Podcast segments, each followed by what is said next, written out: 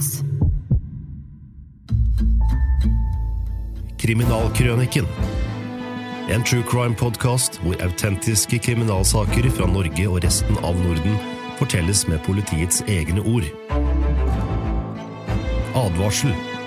Denne podkasten inneholder sterke skildringer som kan virke støtende for noen. Denne podkasten er ikke egnet for barn. Dobbeltdrap med øks. Denne episoden er bygget på en tekst av politibetjent Bjørn Steinar Sjøtun. Podkasten er produsert av Metro Sounds.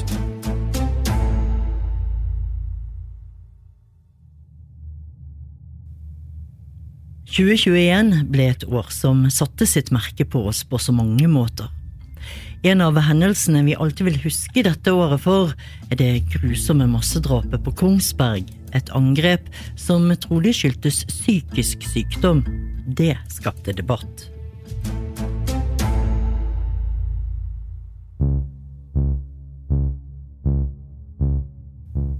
Også da politiet senere samme år i en dramatisk aksjon skjøt og drepte en mann som hadde forsøkt å angripe tilfeldige offer på Bislett i Oslo med kniv, ble psykiatri et tema. De siste årene har politiet opplevd en betydelig økning i alvorlige saker som kan knyttes til psykiske lidelser, men det er langt fra nytt at opprivende voldshendelser har ført til debatt om vårt psykiske helsevern. Opp gjennom historien finnes det dessverre mange eksempler på det. Vi skrur tiden tilbake til 1989 og ser nærmere på én av disse sakene.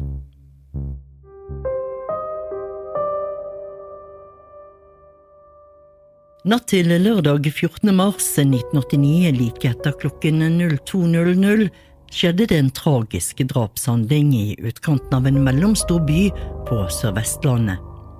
To eldre mennesker ble drept med øksehugg av en psykisk syk mann mens de lå og sov i sengene sine. Kjell ble født i januar 1959. Han var 39 år da ugjerningen skjedde. Han vokste opp som nummer seks i en søskenflokk på åtte barn. Barndommen var preget av ustabile forhold i hjemmet, og flere i familien var preget av psykiske lidelser. Det var et hjem hvor det også forekom kriminalitet.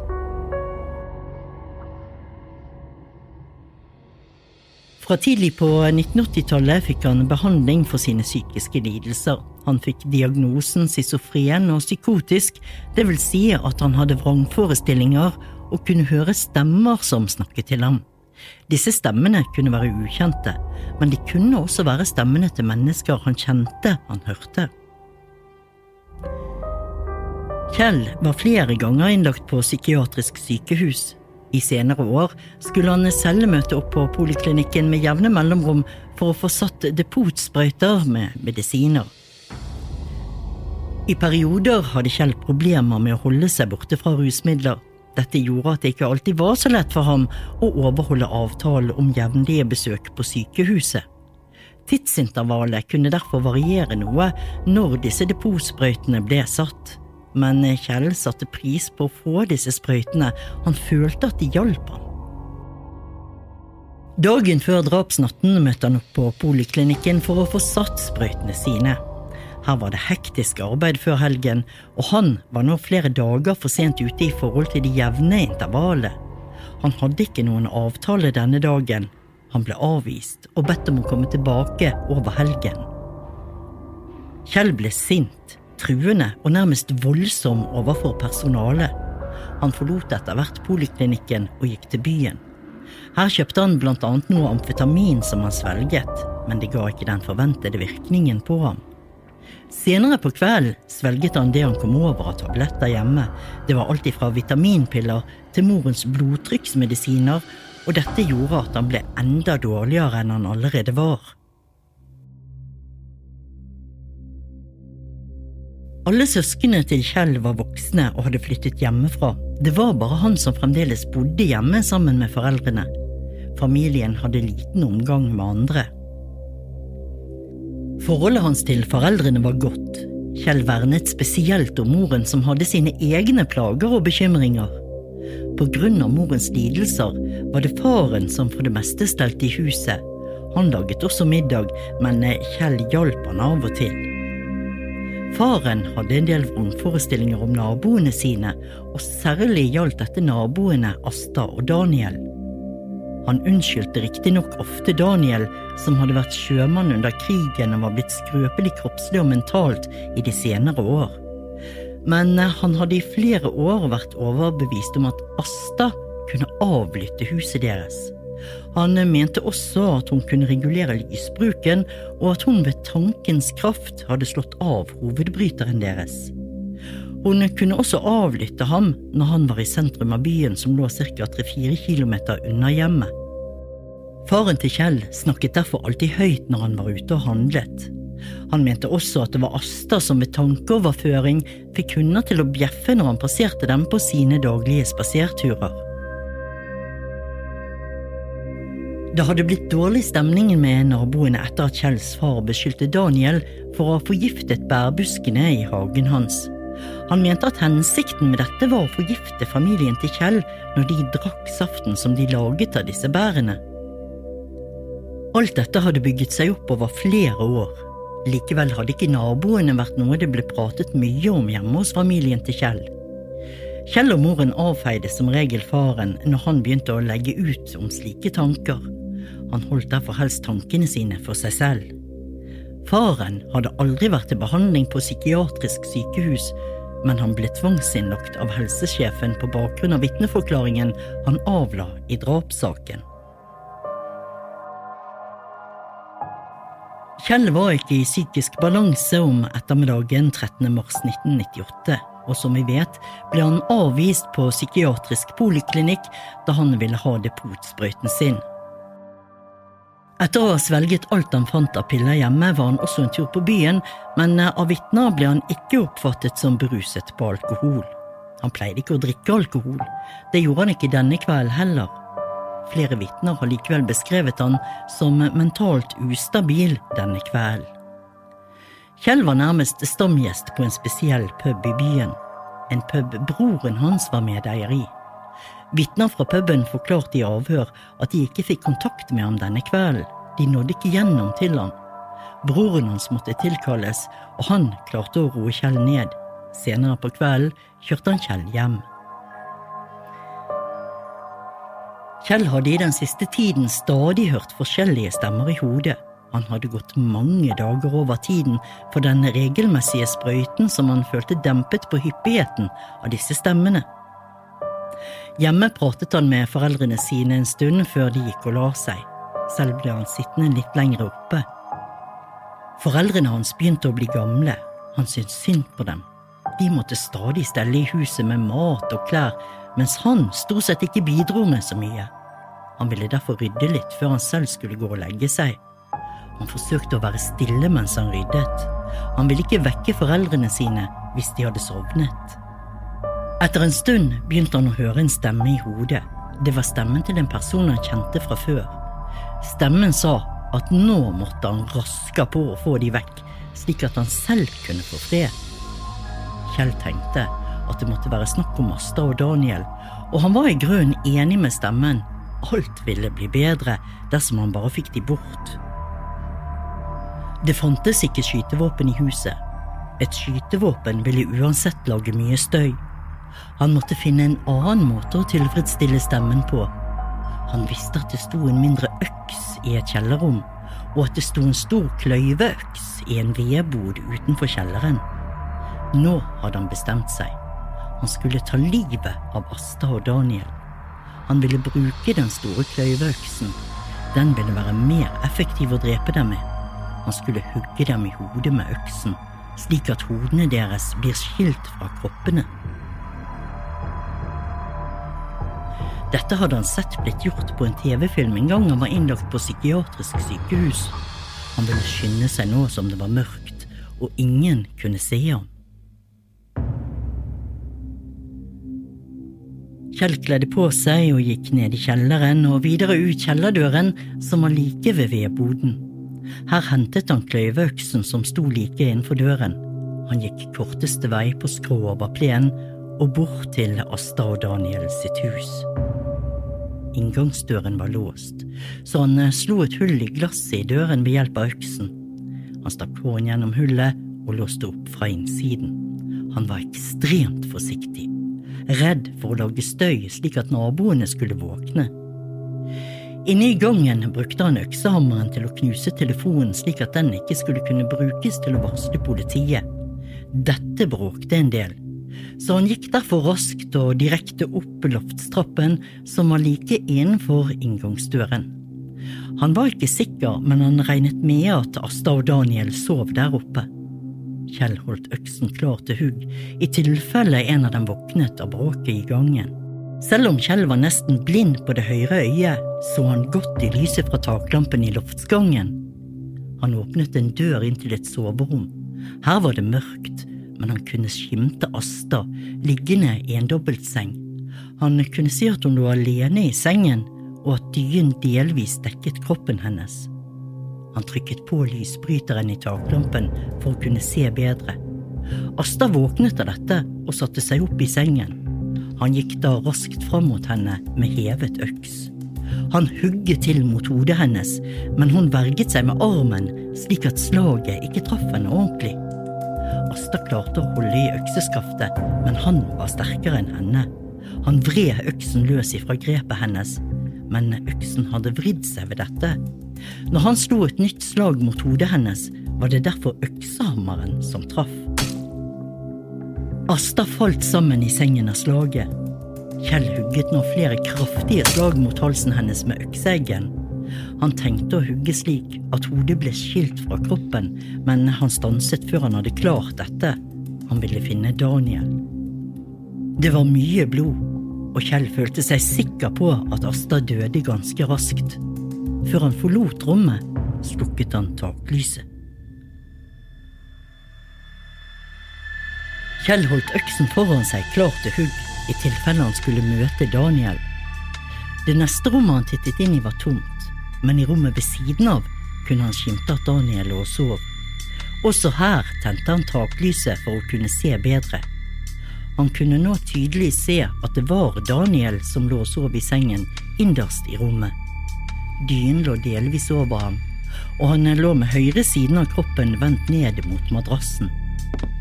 Kjell gikk med raske skritt mot sengen og hugget Daniel i halsen med økseeggen. Han hugget mange ganger og med stor kraft. Selv om han hadde tenkt å hugge til hodet var skilt fra kroppen, stanset han før han var kommet så langt. Han var sikker på at Daniel også var død, og at døden inntraff hurtig.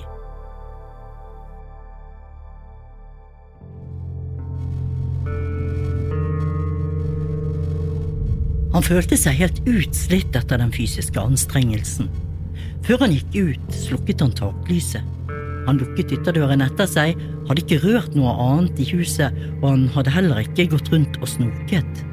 Han tok øksen med seg og gikk hjem samme veien som han kom.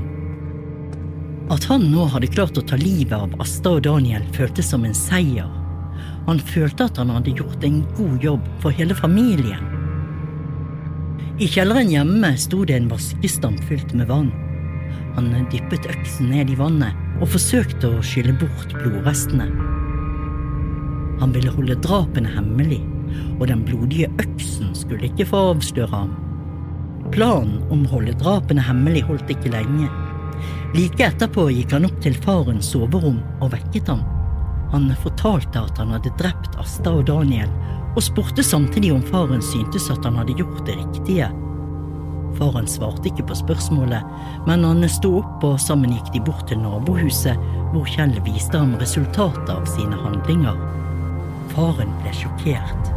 Han sa at Kjell heller burde ha snakket med ham. Nå ville faren ringe til politiet, men dette nektet Kjell ham å gjøre. Han ville holde drapene hemmelig. Faren gikk derfor over til en annen nabo og fikk han til å kontakte politiet. Denne naboen trodde at det handlet om en husbråkmelding, og det var dette som ble ringt inn til politiet.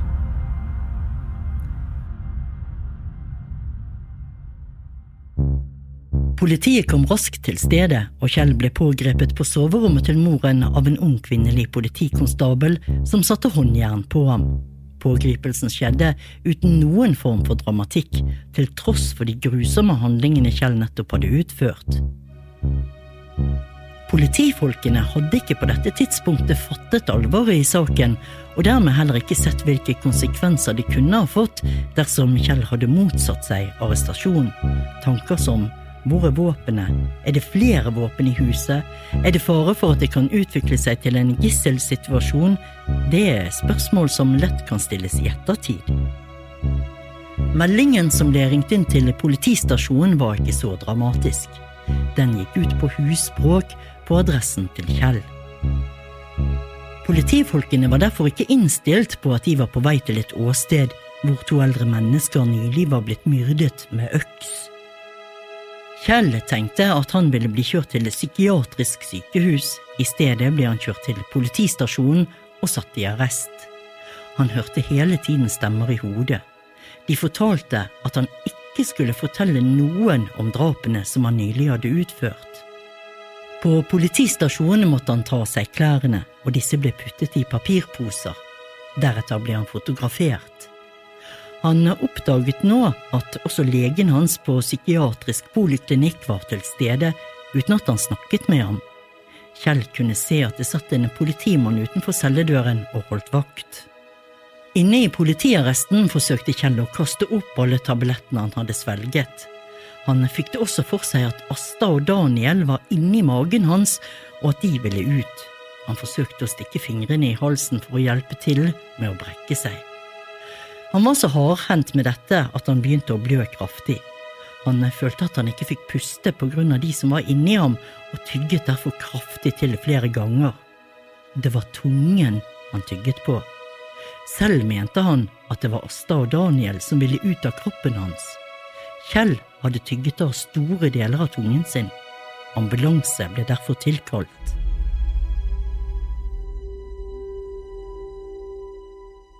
Siden Kjell nå hadde problemer med å snakke etter å ha bitt av seg store deler av tungen, startet avhørene av ham først 1. april 1998. De ble foretatt på rommet hans på psykiatrisk sykehus, hvor han var innlagt som pasient. I tiden frem til han kunne avhøres, ble det foretatt en rekke vitneavhør. Både familie, venner og andre som han hadde hatt kontakt med, ble avhørt. Det var ingen kommunikasjon mellom kriminalteknikerne og taktikerne i denne tiden. Ingen skulle kunne danne seg sitt eget bilde av hvordan drapshandlingen hadde foregått. Det var Kjell som skulle forklare dette i detalj og så skulle hans forklaring sammenholdes med kriminalteknikernes funn og konklusjoner. Dersom det framkom uoverensstemmelser mellom det han forklarte og det som kriminalteknikerne fant, ville dette føre til nye avhør om disse forholdene. Politiet håpet å knytte ting og detaljer i Kjells forklaring til tekniske funn på åstedet. Dette for å fastslå at det var han og ingen andre som hadde foretatt drapshandlingene. Det kalles å knytte gjerningsmannen til åstedet.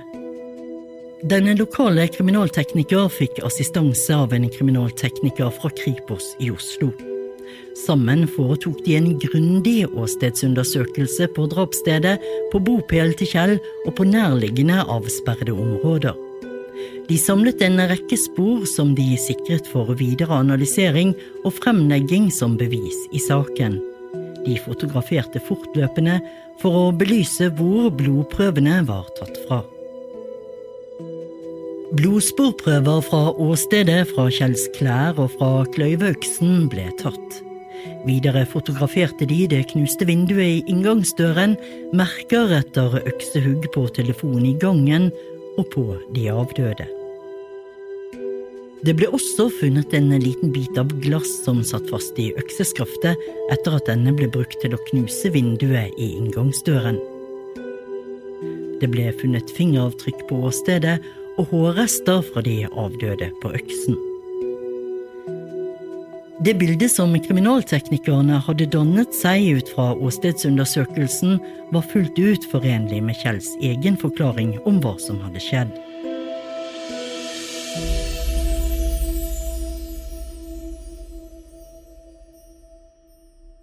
Kjell hadde heldigvis ikke problemer med å gjøre seg forstått under avhør, til tross for at han hadde en del smerter i tungen. Han fikk smertestillende medisin dersom han ønsket det. Under alle avhørene var en representant fra sykehuset til stede. Dette for at Kjell skulle føle trygghet for seg selv, og også for å ha et vitne til stede som kunne bevitne at forholdet og tilstanden lå til rette for avhør av ham. Advokaten hans hadde godkjent denne ordningen, men var ikke selv til stede. Advokaten ble holdt løpende orientert. Kjell ble avhørt i til sammen fire dager. Han forklarte seg godt på den måten at han i detalj kunne fortelle hva han følte og tenkte på drapsnatten. Han husket hva han hadde gjort, og hvordan han hadde resonnert før, under og etter drapene. Han var hele tiden rolig, men han ble mer og mer urolig når han fortalte om selve drapshandlingen. Han la ikke skjul på at han hadde angret på det han hadde gjort, på brutaliteten i det, og han fryktet hevn fra de etterlatte av de avdøde. Det var, og har heller ikke senere vært signaler om at denne frykten var berettiget. Det ble holdt hovedforhandling i desember 1998, hvor Kjell ble tiltalt for drapene på Asta og Daniel. Statsadvokaten var aktor i saken. Kjell hadde med seg sin forsvarer. Foruten dokumentasjonen ble det kun ført ett vitne, kriminalteknikeren fra Kripos. I dommen ble det bemerket at tiltalte kunne gi en relativt detaljert forklaring som inneholdt en erkjennelse av det faktum han var tiltalt for. Vitnets forklaring og det bildet som han hadde dannet seg ut fra åstedsundersøkelsene, samsvarte fullt og helt med tiltaltes egen forklaring i politiavhør og i retten. Det ble lagt frem rettsmedisinsk undersøkelse av de avdøde. Dødsårsaken ble opplyst til å være knusningsskader etter øksehugg i hodet og hals for begge de avdøde. Rettspsykiatrisk undersøkelse av Kjelle ble framlagt. Ut fra disse undersøkelsene finner retten det klart bevist at han var sinnssyk da han utførte de grufulle drapene. Etter rettens oppfatning var det også fare for at han kunne foreta nye straffbare handlinger. Det ble vist til at han i flere år hadde hatt en schizofren sinnslidelse som ble beskrevet som kronisk. I tillegg har Kjell forklart om sitt rusmiddelbruk. Dette måtte etter rettens vurdering forsterke faren for straffbare handlinger. Denne konklusjonen var i samsvar med de rettspsykiatriske erklæringer, og Kjell ble ut fra dette dømt til sikring i ti år. Du har hørt Dobbeltdrap med øks. Denne episoden er bygget på en tekst av politibetjent Bjørn Steinar Sjøtun. Forteller var Marianne Mo. Produsenter var Troy Langås og Marianne Mo. Podkasten er produsert av Metro Sounds. Følg Kriminalkrøniken på Instagram